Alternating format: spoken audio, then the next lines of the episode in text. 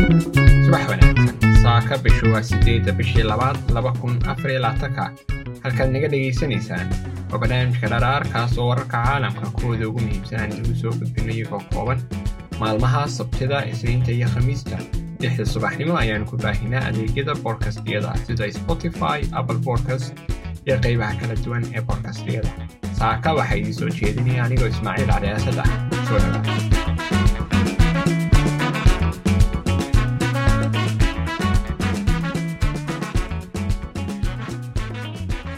wakhtigii safmaraynka silsilada sahayda caalamiga ah ayaa xidhmay qiimaha dhoofinta alaabaha shiinuhuna kor ayay u kaceen ku dhowaad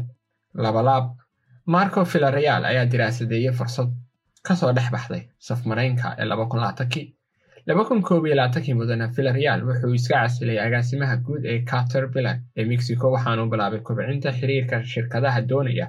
inay bedelaan waxsoo saarka shiinaha una soo wareejiyaan dhinacaasi mexico. Wuxuu macmiilka helay husaan oo ah shirkad shiiniis ah oo soo saarta baabuurta kaasoo soo karaystay mudane villareal waxa uu sameeyey boqol iyo labiyo konton milyan wax soo saar oo ku taal saltilla oo ah xarun warshadaha oo ku taala waqooyiga mexico. Mudane villareal waxa uu sheegay in shirkadaha ajnabiga ah gaar ahaan kuwa doonaya inay wax iibiyaan gudaha waqooyiga america ay mexico u arkaan inay tahay goob bedeli karta shiinaha sababo dhowr ah oo ay ku jiraan xiisadaha ganacsi ee sii huraya ee u dhexeeya maraykanka iyo shiinaha. Waxaanu yidhi xidiguhu waxay la safan yihiin mexico isagoo u jeeda saadaalintu waxay la safan tahay dhinacaasi mexico. Xog cusub oo la sii daayay arbacadii ayaa muujisay in mexico ay dhaaftay shiinaha si ay u noqoto isha ugu saraysa ee maraykanka ee ka soo dejisa alaabo rasmiga. Muddo labaatan sana ah oo markii ugu horeysay ee mexico ay noqoto dalka ugu horreeya isbeddel weyn ayaa muujinaya sida xiisada ee u dhexaysa washington iyo beijing. Ay u bedelaysay isku socodka ganacsiga ee labada dal ee maraykanka iyo shiinaha. Hoosudhac ganacsiga maraykanka ee shiinaha ayaa si aad ah hoos ugu dhaca sannadkii hore iyadoo oo badeecadaha laga soo dhoofiyey waddanka ay hoos u dhaceen boqolkiiba labaatan ilaa afar boqol labaatan toddoba dhibic laba bilyan. Ayuu ahaa xaddiga ganacsi ee dhex maray maraykanka iyo shiinaha sannadkii la soo dhaafay taasoo aynu ka arkayn in boqolkiiba labaatan hoos u dhacay ganacsiga labada dalal ka dhexeeya macaamiisha maraykanka iyo ganacsiyadu waxay u wacday dhinacaasi mexico yurub south korea indiya canada iyo vietnam si ay uga helaan alaabaha kala duwan ee dalalkaasi soo saaraan dhoofinta mexico ee maraykanka ayaa qiyaastii la mid ah tii sannadkii hore waxayna tahay afar boqol toddobaatan iyo shan dhibic lix bilyan guud ahaan hoosu dhaca ganacsiga america ee badeecadaha iyo adeegyada oo ka kooban dhoofinta laga jaray soo dejinta ayaa hoos u dhacay boqolkiiba ku dhowaad sagaal iyo toban. Guud ahaan wax soo saarka maraykanka ee adduunka ayaa kordhay waxyar kii marka loo eega sanadihii hore. Inkastoo uu ahaa sanadkan dollarku mid xoogan halka alaabaha caalamiga ay ahaayeen mid qiimahoodu uu jilicsan yahay ama aanu fadhiyin. Badeecadaha maraykanka ayaa hoos u dhacay sanad ahaan iyadoo dadka maraykanku ay iibsadeen saliid cayrin kimikooyin yar iyo badeecado yar oo ay ku jiraan taleefanada gacanta dharka alaabta iyo alaabaha guriga la dhigto.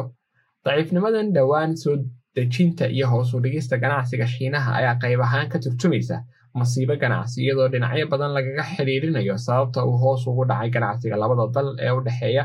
Balse dad badani ay sheegayaan inay tahay cunaqabateynadii uu saaray madaxweyne trump iyadoo aan waxba ka bedelin madaxweyne biden markuu isaguna soo galay ofiska qaar ka mid ah dhaqaalyahanadu waxay ka digayaan in dhimista maraykanka ee ganacsiga shiinaha laga yaabo inaysan noqon mid adag.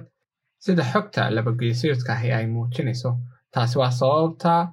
hisun oo ah soo saara shirkadaha baabuurta oo shiiniis ah. Qaar ka mid ah ganacsiyadiisa caalamiga ah uu ka bedelay dalka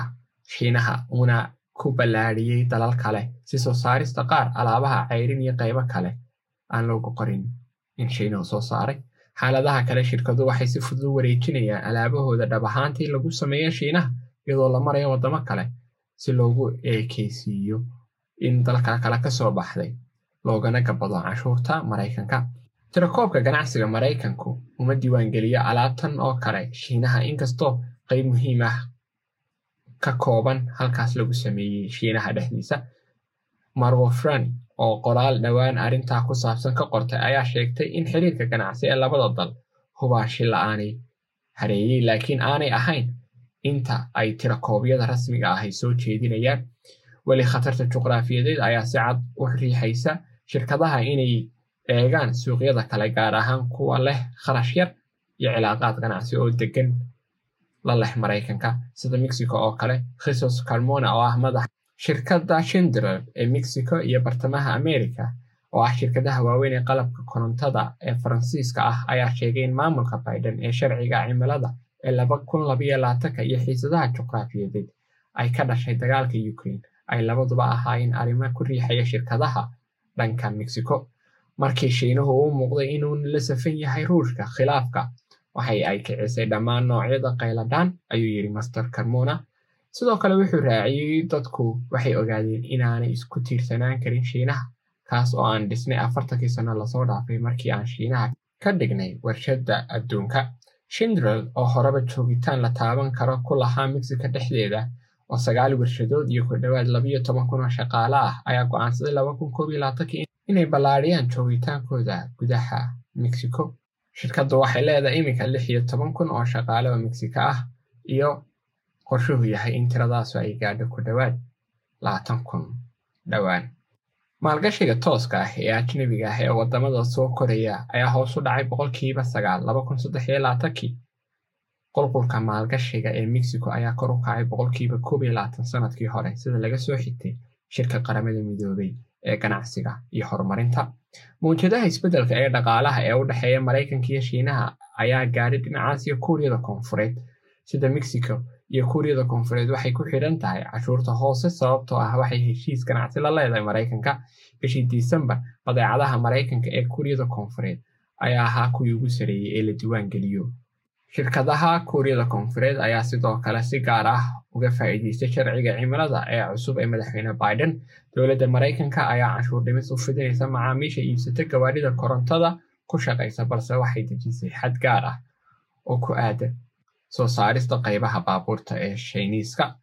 sida soo saarayaasha waaweyn ee beeteriyada baabuurta korontada ku shaqeeya iyo qaybaha shirkadaha kuryada koonfureed waxay ka faa'iidaysanayaan fursadaha ka qayb qaadanayaana silsilada sahayda baabuurta ee maraykanka oo dhowaan la ballaariyey. Mid ka mid ah shirkadaha soo saarista beeteriyada ee kuuriyada eskion ayaa laba dhibic lix bilyan ku maalgelisay warshad ku taala georgia waxayna dhismayaal cusub ka dhisayaan gobollo ay ka mid yihiin georgia tenesa kentucky isagoo kaashanaya hyunda iyo ford.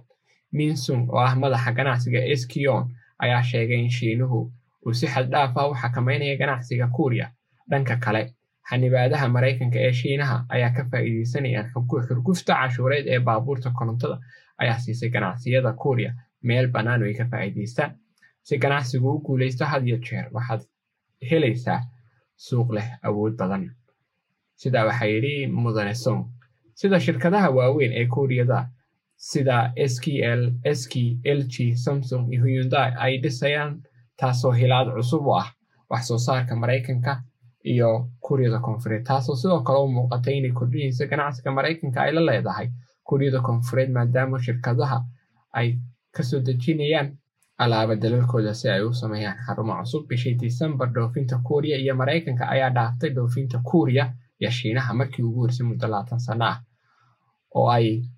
kaxeeyeen shixnad baabuurta bayteriyada korontada iyo qaybo kale. Mudnasong ayaa isku raaciyey inay sii kordhaysa shakiga maraykanka iyo shiinaha ay sii riixaysa maraykanka iyo kuuriyada koonfureed inay isku soo dhowaadaan waxaanu sheegay inay maraysa heerkii ugu sareeyey xiriirka labada dal ee xulafada ahi. Saaka intaas ayuu inoogu eegyahay warbixinteennu dhammaantiin maalin qurux badan oo fiican ayaan idiin rajanaynaa nabada